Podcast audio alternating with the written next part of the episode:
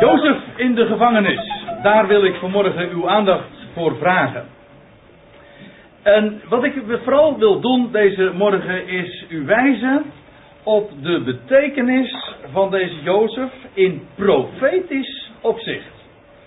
Dat wil zeggen, ik wil u laten zien dat Jozef, en specifiek Jozef in de gevangenis, een type is, een beeld, een schaduw van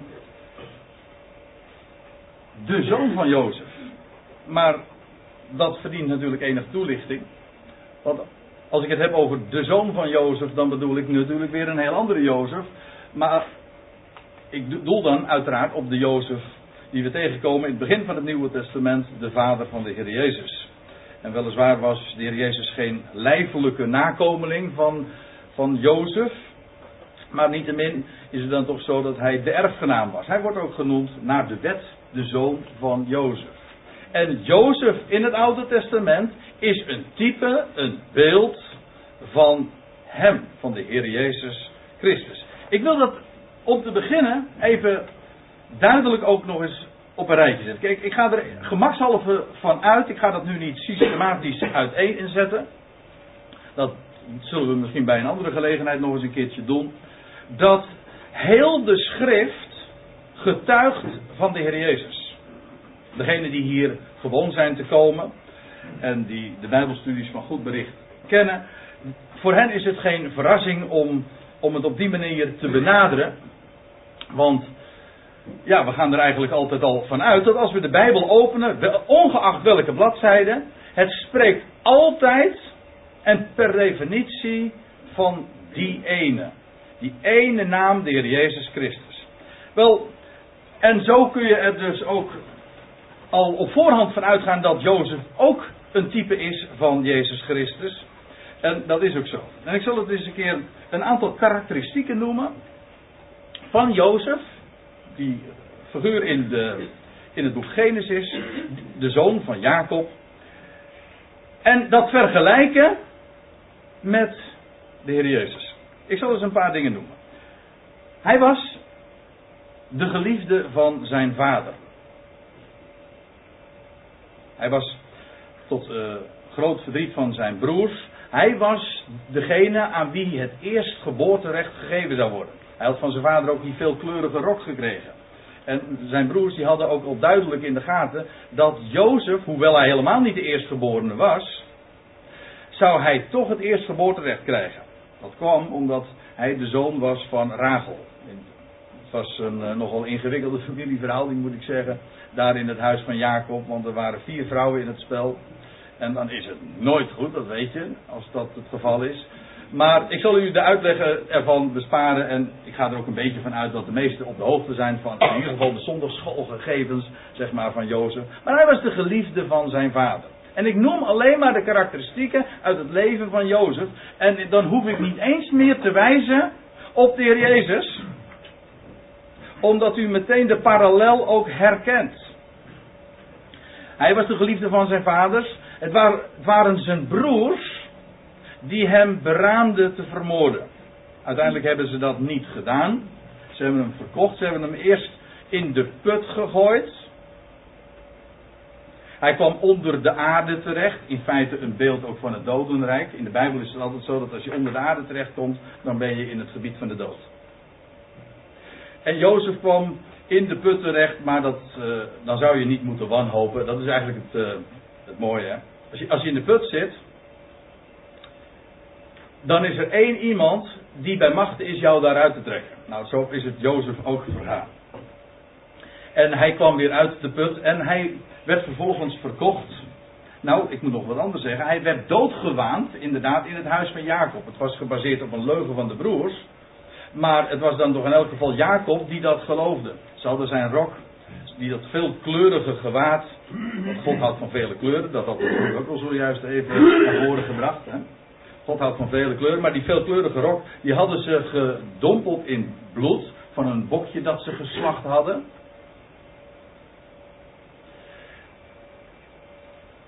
Jozef was dood. Dat was het idee wat verspreid werd. Hij is vervolgens verkocht naar het buitenland.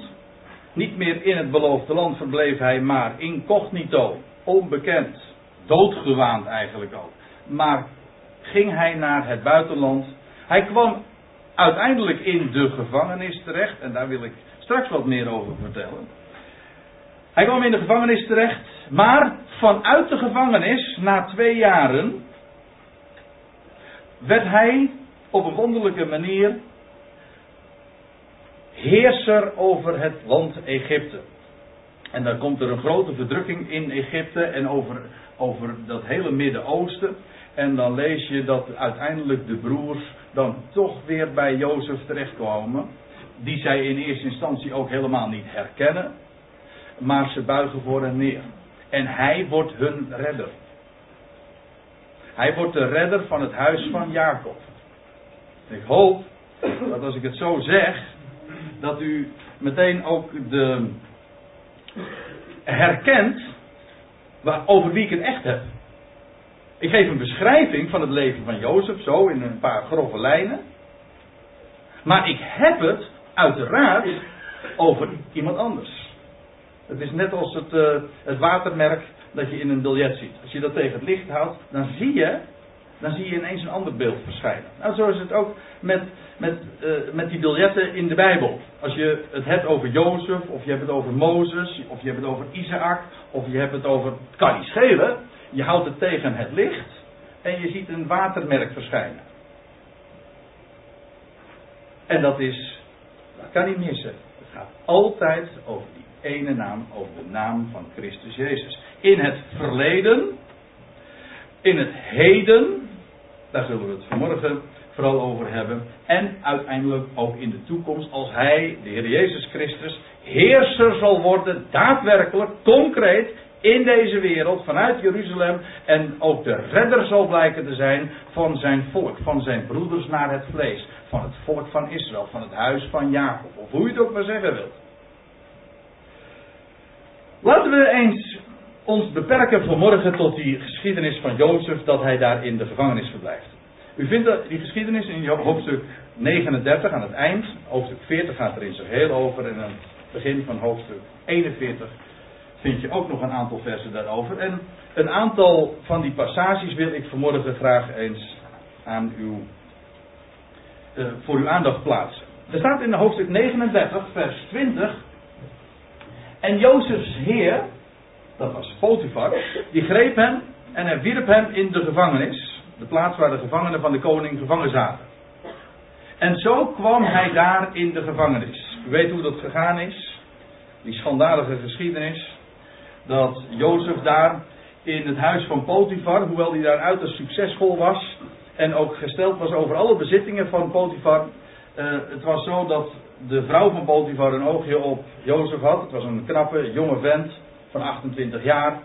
En omdat, ze bij, uh, omdat hij op haar avances niet ingaat, beschuldigt zij hem en met succes, want uiteindelijk belandt Jozef daardoor in de gevangenis. De heer van Potifar, of de heer van het huis Potifar, de man dus van die vrouw, die greep hem en, ze wierp, en hij wierp hem in de gevangenis. Die man die kon ook niet anders. Er zijn alle redenen om aan te nemen dat Potifar zijn eigen vrouw niet echt geloofd heeft.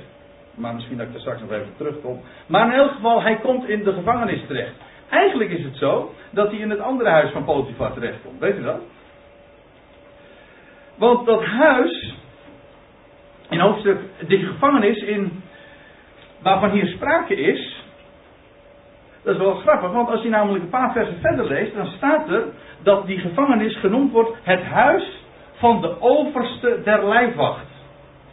Maar de overste van de lijfwacht, die wordt in hoofdstuk 39, vers 1 al benoemd. Dan staat er, Jozef nu werd naar Egypte gebracht en Potifar, een hoveling van Farao, de overste van de lijfwacht, een Egyptenaar, kocht hem. Dus als Jozef daar in dat huis van Potifar is, dan is hij dus in het huis van de overste van de lijfwacht. En hij wordt verplaatst naar de gevangenis, naar dat andere huis, maar dat is ook het huis van de overste van de lijfwacht. Dat is gewoon Potifar. Hij gaat van het ene huis van Potifar naar het andere huis van Potifar. Van de privé, van de privé, zeg het maar goed. Van de privéwoning van. Volgens mij is dat die microfoon hoor. Ja, ja. Niet erbij, echt niet. De privéwoning van Potifar wordt die verplaatst naar het huis van bewaring. Naar die andere baaiers. Ja, het woordje baaiers, dat is wel grappig. Dat is, onze, dat is een aanduiding voor een gevangenis. Maar dat is eigenlijk Hebreeuws. Dat was zeggen via via, Vigidisch en Pargons. Het komt, baaiers komt van het woordje bait. Of bed. Bijvoorbeeld Bethlehem of Shemes. Het woordje bayet betekent huis. En elk, dat woordje, ons woordje komt daar dus van. In elk geval, Jozef die wordt geplaatst daar in de gevangenis. In dat andere huis van Potifar. En feitelijk is het ook zo. Dat zeg ik dan ook maar eventjes. U moet het maar eens een keertje lezen in hoofdstuk 39, 40, 41. Het feitelijk is het zo dat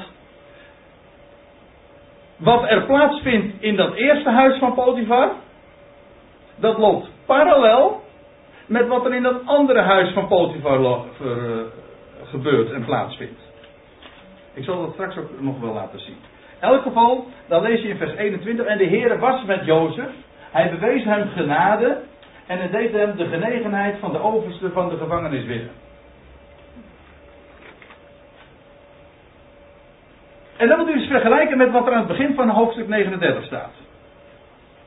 Dus hier wordt nog gesproken over dat hij daar in de gevangenis is. En dan staat er, en de Heer was met hem. Hij bewees hem genade en deed hem de genegenheid van de overste van de gevangenis winnen. Maar iets soortgelijks stond al in het begin van het hoofdstuk. Datzelfde hoofdstuk dus. Dan staat er, en de Heer was met Jozef, zodat hij een voorspoedig, een succesvol man werd. En toen zijn Heer, dat is Potifar dus, zag dat de Heer met hem was, en dat de Heer alles wat hij ondernam onder zijn hand deed gelukken, won Jozef zijn genegenheid. En hij stelde hem aan over zijn huis. En alles wat hij had, gaf hij in zijn hand. Dat huis van Potifar wordt gewoon dus in de praktijk het huis van Jozef.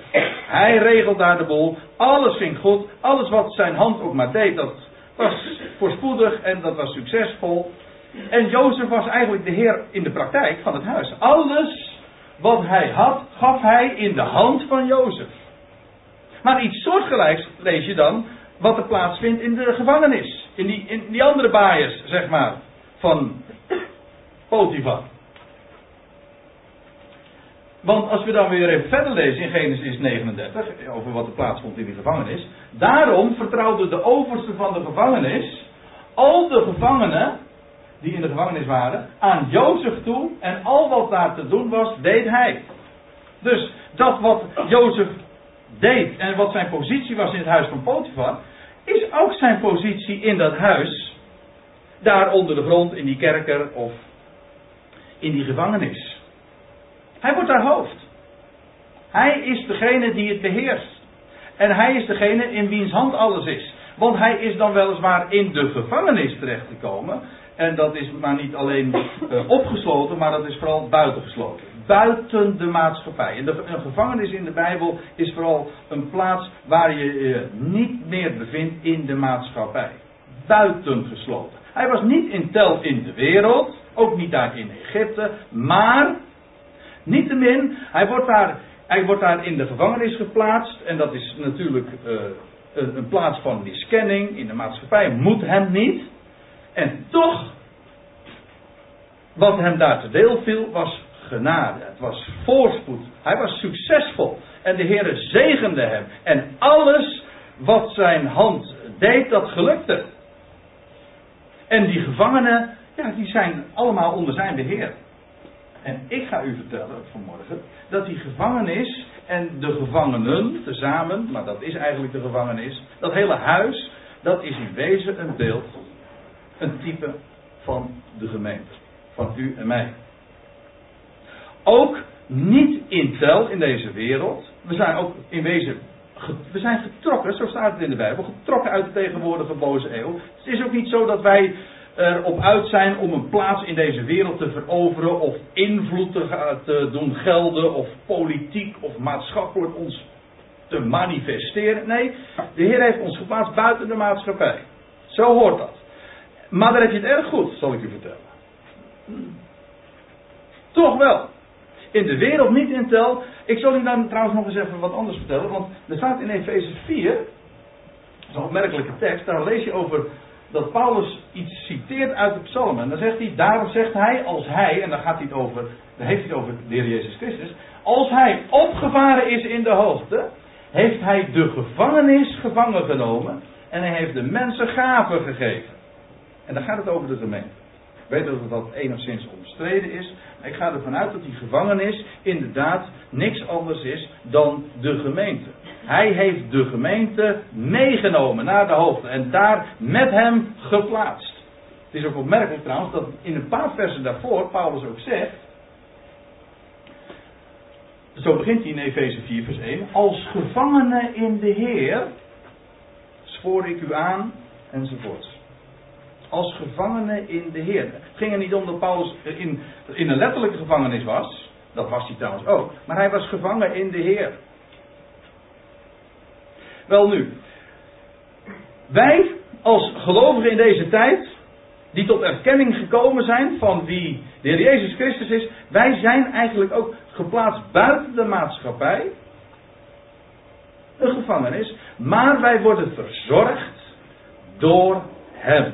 En daar hebben wij het ontzettend goed. Hij geeft, dat staat hier ook, hè? hij heeft die gevangenis gevangen genomen, maar hij geeft gaven rijkelijk aan die gevangenen. Hij verzorgt ze, hij beheert ze. Beheerst ze, maar hij beheert ze. Hij, hij geeft ze dat wat ze nodig hebben en ze hebben het zo goed. Ik lees nog eventjes verder vers 23, daar staat de overste van de gevangenis, die keek niet om naar iets dat hem was toevertrouwd. Omdat de Heere met hem was. En wat hij verrichtte, deed de Heere geluk. Ik vind dat zo mooi, hè. Jozef is trouwens, dat valt me zo eventjes ter plekke te, te binnen, maar dat is ook heel eigenaardig. Ook daarin is het een prachtig type van de Heer Jezus Christus. Van Jozef lezen we een toch een heel aantal hoofdstukken in de Bijbel. Een lange geschiedenis, veel over hem is, eh, over hem is bekend. En niet één keer lezen wij iets van iets van hem waarin hij faalde. Dat is heel opmerkelijk, zelfs uniek. Van elk personage dat we in de Bijbel tegenkomen, waarvan we een, enigszins weten om wie het gaat en om, eh, van wie we een uitgebreidere beschrijving vinden, daar lezen we van zonde, van missers, van vader. Er is maar één uitzondering erop die ik ken. En dat is Jozef. Er worden geen zonden van hem vermeld. Niets. Maar dan nog iets. Dan staat er van deze Jozef. Hij, eh, wat hij ook verrichtte, dat deed de Heere gelukken. Kijk, er staat in de psalmen, ik zal dat eens voorlezen.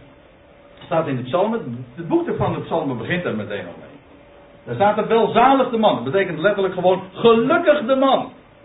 Gelukkig is trouwens een leuk woord in het Nederlands. Want dat betekent, heeft ook, daar zit ook dat woordje lukken in. Maar gelukkig is eigenlijk iemand die alles gelukt.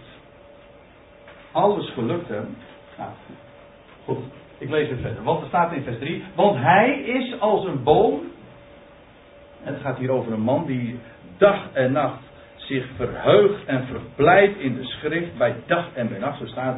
Want hij is als een boom geplant aan waterstromen die zijn vrucht geeft op zijn tijd, welks loof niet verwelkt. En er staat erbij, al wat hij onderneemt, gelukt hem. Dat wil zeggen, alles wat hem voor ogen staat, alles wat hij wil doen, dat doet hij ook. Van onze God staat dat trouwens ook, hè, in 1 Timotheus 1. Hij is de gelukkige God. Hij is namelijk de God die een plan heeft en die ook realiseert dat wat in zijn hart is. En daarom gaat er bij God ook nooit iets mis. Hij is God. Hij beheerst alles. Hij heeft alles in de hand. En wat hem voor ogen staat, wat hij met de schepping en met elk schepsel wil bereiken, dat gaat hem lukken. En dat doet hij door die, die man waar het hier ook over gaat. Die gelukkige man. De zoon van Jozef. Of zal ik het anders zeggen? De ware Jozef. Ja, u denkt bij de ware Jozef misschien aan iemand anders. Maar ik denk aan de ware Jozef. Ook weer aan de Heer Jezus Christus.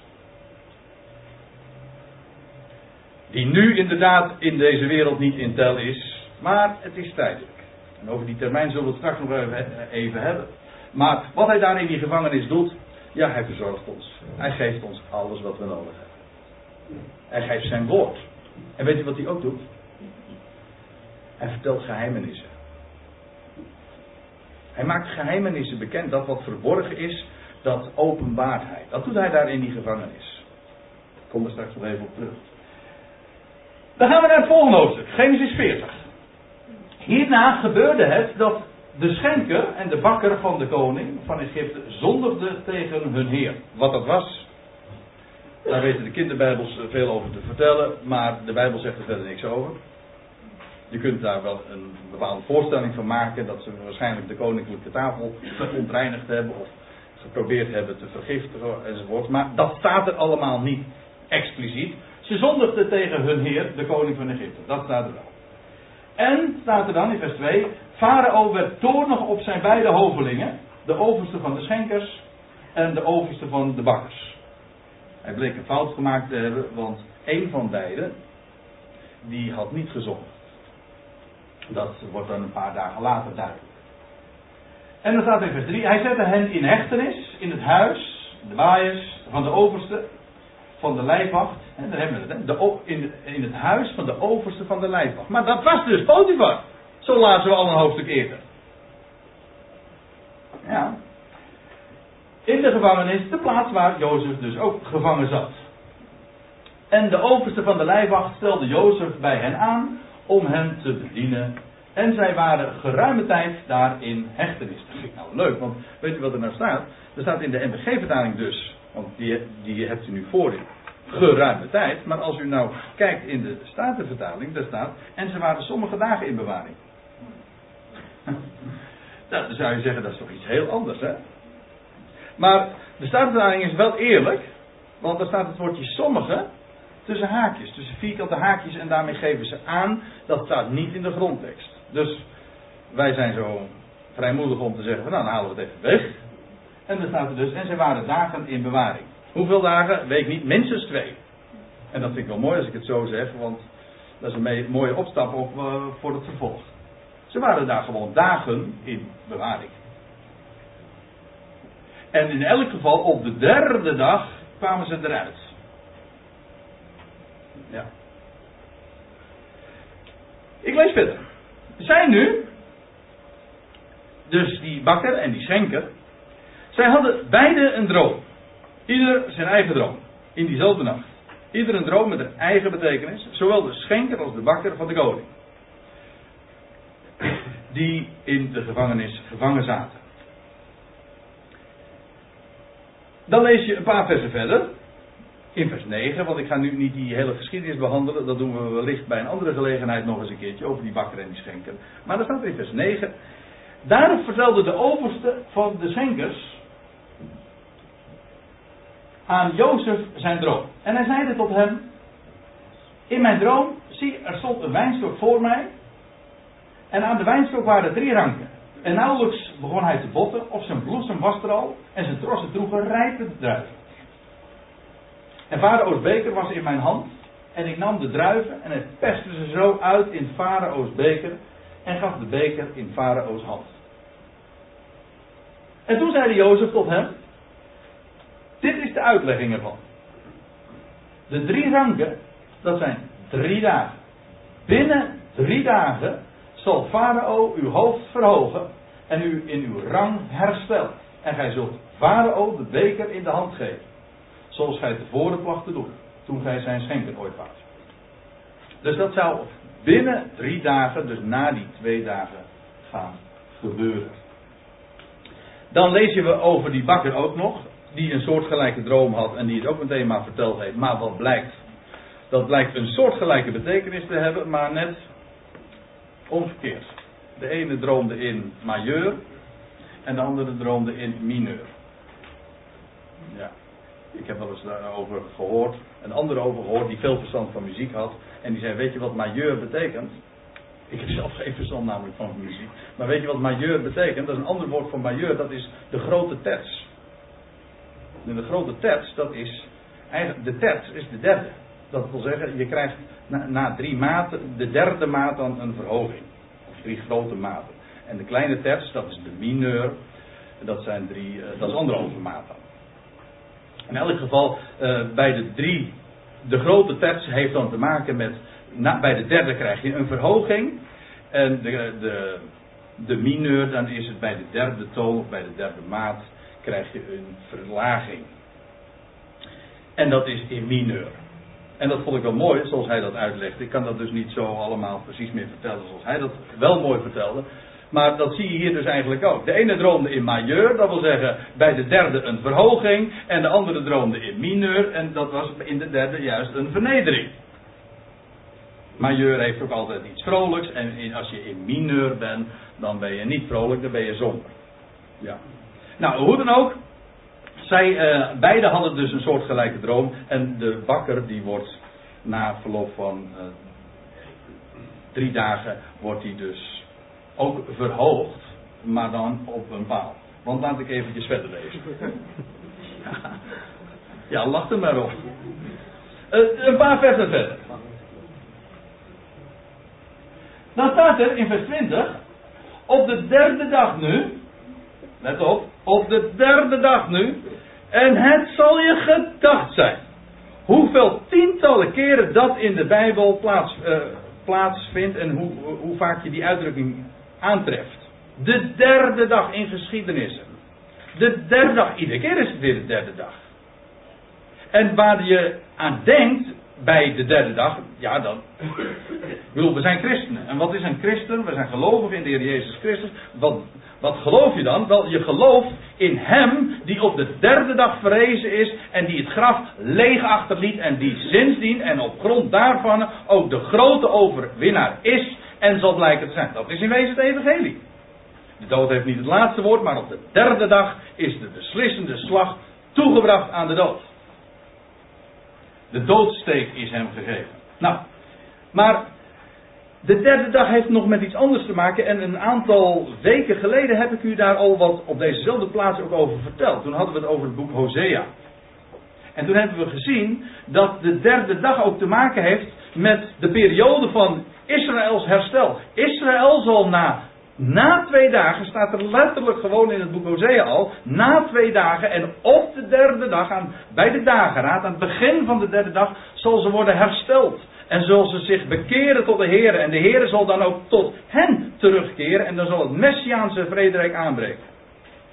Maar wat het eigenaardige daarbij is, dat dat nogal cryptisch taalgebruik is. Want die twee dagen staan voor 2000 jaar. Want zo rekent de Heer. Dit ene mag u niet ontgaan, geliefde, zegt Petrus, dat bij de Here één dag is als duizend jaar. Of omgekeerd, duizend jaar als één dag. Daar gaat het maar even om. Nou, die derde dag heeft te maken met dat derde millennium. Na twee millennia vindt er een, verhoging plaats. Nou, ik lees eventjes dus hier nog. Op de derde dag nu, de geboortedag van Farao, maakte hij een maaltijd voor al zijn dienaren. En hij verhief het hoofd van de overste van de schenkers. En het hoofd van de overste van de bakkers. Midden, te midden van zijn dienaren.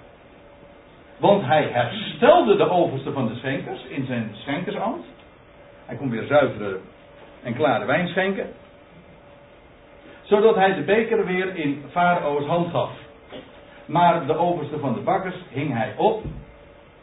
Zoals Jozef hun had uitgelegd.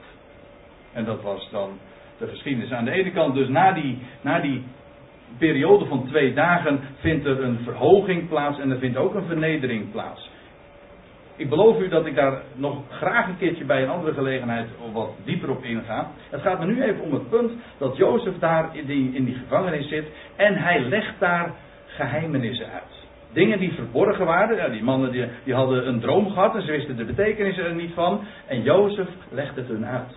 Hij, hij verklaart het hun. En hij vertelt wat het is. En hij wijst hun op die derde dag. En hij wijst erop wat er na twee dagen zal plaatsvinden. En wij zitten nu ook in die gevangenis. Buiten de maatschappij, niet in deze wereld in tel, maar we worden verzorgd door Jozef, door de ware Jozef. En hij is onze Heer, hij is ons hoofd. Hij gaat over ons. En hij regelt alles voor ons. Hij geeft ons gewoon alles wat we nodig hebben. En hij vertelt ons dingen. Prachtige dingen. Hij vertelt ons geheimenissen. Ik lees even verder nog. Dan gaat er in vers 23 van hetzelfde hoofdstuk, van hoofdstuk 40 nog.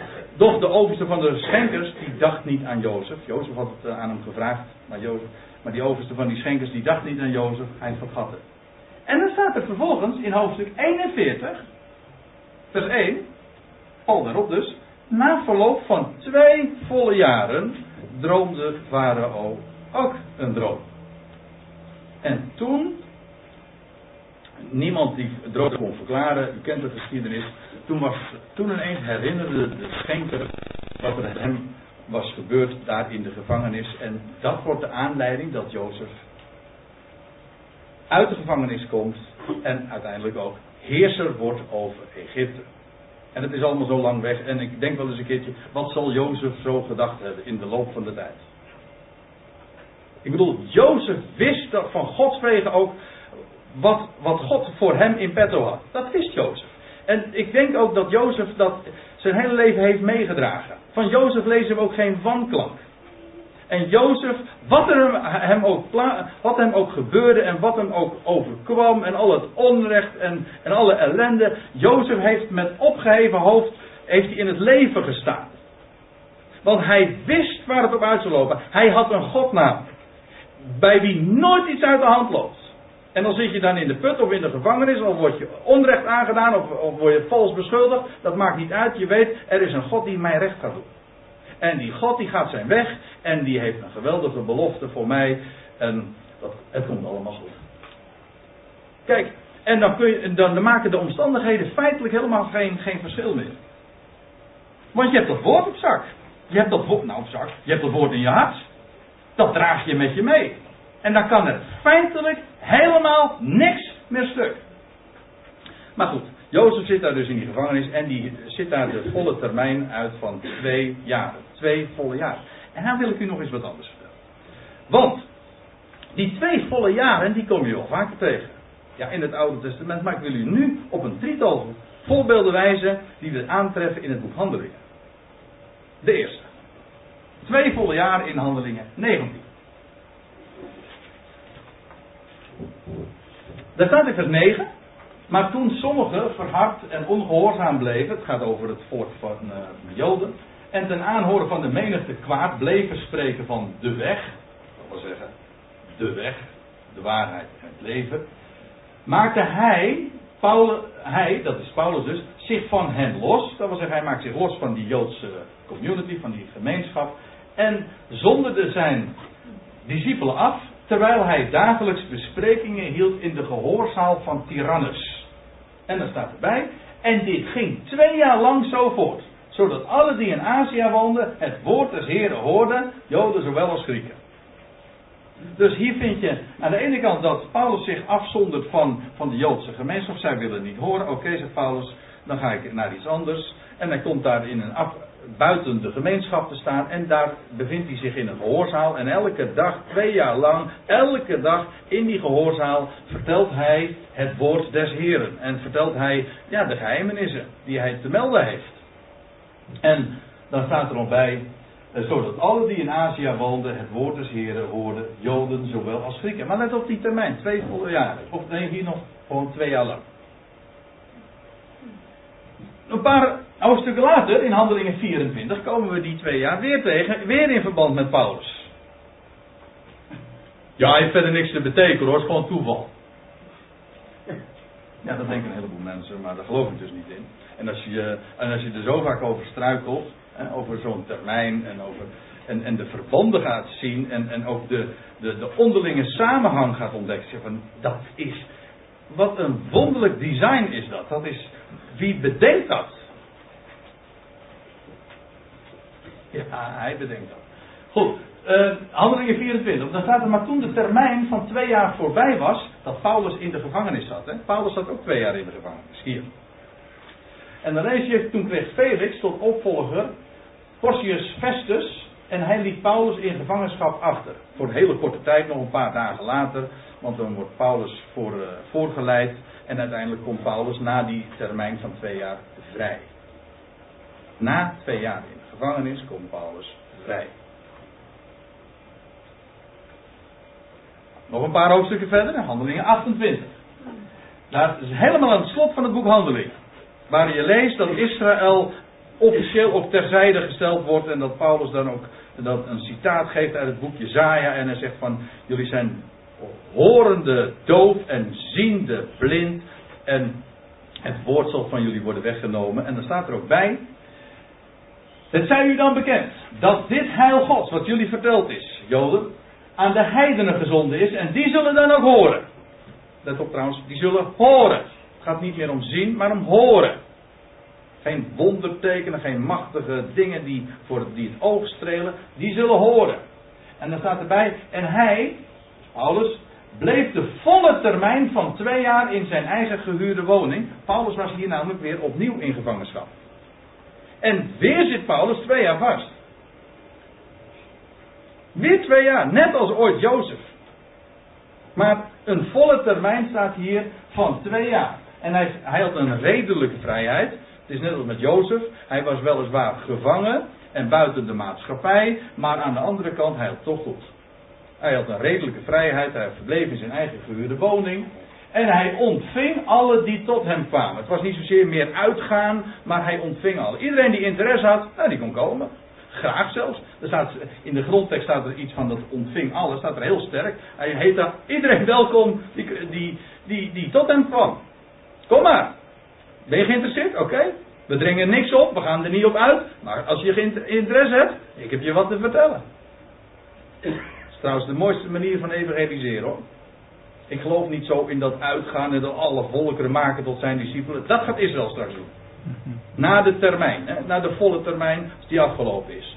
Maar nu is het vooral, is dit het adagium en is dit het, eh, het, eh, de procedure waar, waar dat verloopt. We ontvingen allen we ontvangen gewoon alle die, die komen. En als er mensen interesse tonen in het woord, alsjeblieft, nou, we hebben je een heleboel te vertellen. Nou, daar staat er nog in vers 31. En predikende het koninkrijk van God, dat inmiddels een verborgen koninkrijk is. En onderricht gevende aangaande de Heer Jezus Christus. Met alle vrijmoedigheid, zonder enige belemmering. En dat vind ik nou zo mooi. Die Paulus die zat gevangen. Want dat was zijn positie. Hij zat vast en toch zonder enige belemmering. Spreekt hij over het koninkrijk van God dat nu in deze huidige tijd verborgen is. Ondergrond zal ik maar zeggen. Ja, ja, maar dan toch degene uh, in, het, in het centrum plaatsen van de aandacht, de Heer Jezus Christus. Of zal ik het nu zeggen, anders zeggen, de ware Jozef. Nou, die twee dagen en twee jaren, ze hebben in wezen dezelfde betekenis.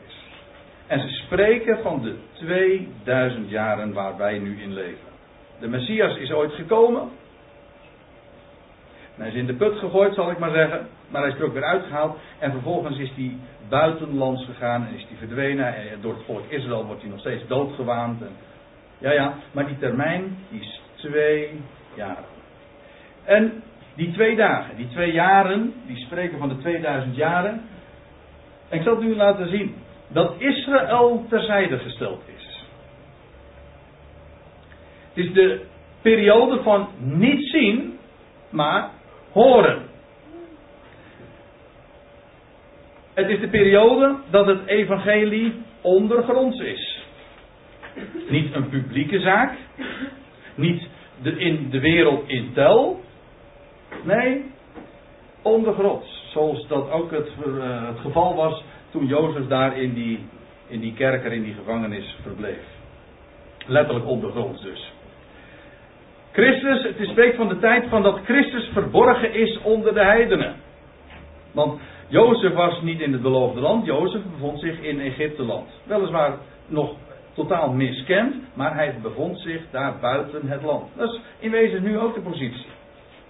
Christus verborgen onder de, de natieën, onder de heidenen.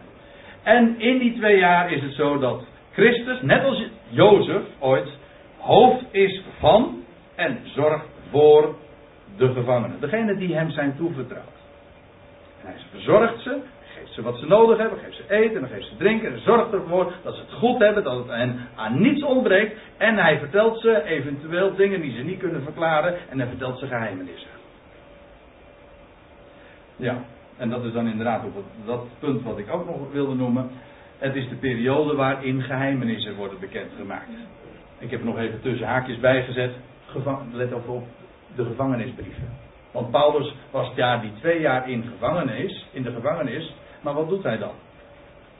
Nou, schrijft hij brieven, de gevangenisbrieven. En wat, wat doet hij in de gevangenisbrieven? Nou, dan maakt hij het geheimenis bekend. Juist in die brieven wordt, komt dat pontificaal allemaal aan de orde. Geheimenissen, verborgenheden. Hij is de openbaarder, zo wordt Jozef ook genoemd, de openbaarder van de verborgenheden. En dat gebeurt daar allemaal in die, in die gevangenis. In die termijn van twee jaar. En wij leven nu ook in die termijn van twee jaar. En met, met vreugde zeggen, ja met vreugde zullen we tot hem zingen. Maar met vreugde kan ik u ook meedelen. Wij bevinden ons inmiddels in de slotfase van die termijn. Het duurt niet zo lang meer. En de derde dag staat op het punt aan te breken. Dan is de termijn afgesloten. En weet je wat dan gaat gebeuren? Wat gaat er na die twee jaren gebeuren? Of zo u wilt, na die twee dagen, maar het spreekt in beide gevallen van die twee millennia. Van die tweetal duizend jaren. Dan wordt Jozef. Jozef wordt dan de onderkoning van Egypte. Maar het spreekt van hem die de beheerser zal worden van deze wereld. Want dan zal hij inderdaad uit de verborgenheid komen en niet meer langer ondergronds opereren. Hè, in die gevangenis. Nee, dan zal hij. Dan zal hij een positie krijgen die hem ook ooit al was beloofd en waar Jozef zijn hele leven op gewacht heeft en wist dat gaat gebeuren. En dan is het zo dat Jozef die positie krijgt in Egypte en dat niet alleen, maar hij wordt juist ook in die positie wordt hij de redder van zijn broeders. Ja, want in Egypte komt er een enorme hongersnood, maar niet alleen in Egypte, daar in het hele Midden-Oosten. En dan moeten de broeders door de nood gedreven en onder druk komen ze uiteindelijk ook bij Jozef aan, die ze in eerste instantie helemaal niet eens herkennen. Ze had zo'n heidens uiterlijk en voorkomen gekregen. Ze herkenden hem niet eens meer. Maar hij wordt wel de redder van, van zijn broeders. En tenslotte wordt hij ook door hen erkend. Dan doet hij als het ware, als ik het zo mag zeggen, het masker af. En dan zegt hij, maakt hij zich bekend, ik ben Jozef. Als jullie verkocht hebben naar Egypte, dan deinzen ze terug. En zo zal het straks ook gaan. Dan, maakt, dan, dan zal de Messias verschijnen. En dan zal hij zich bekendmaken aan zijn broeders naar het vlees. En dan zullen ze hem ook gaan erkennen. En ze zullen zien op wie zij doorstoken hebben. Ziet u de parallellen? Ziet u dat als je dat plaatje van Jozef tegen het licht houdt, dat je gewoon het watermerk ziet van de ware Jozef? Ziet exact dezelfde dingen. En dan zal inderdaad het huis van Jacob komen tot de erkenning van hem. Ja, en dan wil ik tenslotte nog eindigen. Ja, tenslotte eindig je meestal, hè, maar tenslotte wil ik daar nog wat vertellen. Uh, wat, en dat vind ik zo mooi, hè. daar staat er in Genesis 41, vers 45. En Farao die noemde Jozef Safnat Paneach. En wat betekent Safnat Paneach? Niet helemaal. Het betekent de behouder der wereld. Of de redder der wereld. Zo noemde Farao Jozef. En waar zou dat nou van spreken? Wie is nou de redder der wereld? Wie wordt genoemd de redder der wereld? Dat lees je van die, van die mensen in Samaria. Leuk hè. Er staat er in Johannes 4, dan is Jozef, dan is de heer Jezus in Samaria, bij de Samaritanen dus, en dan verblijft de Heer Jezus daar twee dagen. Ja, ja. Lees het maar na in Johannes 4. Dan verblijft de Heer Jezus daar twee dagen in Samaria. En dan, en dan, dan gaat hij vertrekken. En dan zeggen die Samaritanen. Waarlijk, nou, nou hebben we het zelf gehoord. Hij is inderdaad de heiland. Maar dat betekent voor de redder der wereld. Dat is de Heer Jezus Christus. de redder der wereld. Kijk, en daarom is hij ook die gelukkige man. Degene die voorspoedig is, die succesvol is. Hij bereikt dat wat hem voor ogen staat. Hij kwam op aarde, zo zingen we dat ook, hè? Hij, hij kwam op aarde tot redding der wereld. En dat wat hem voor ogen staat, dat zal hem gelukken. Hij is de redder der wereld. En ik stel voor dat we daar ook over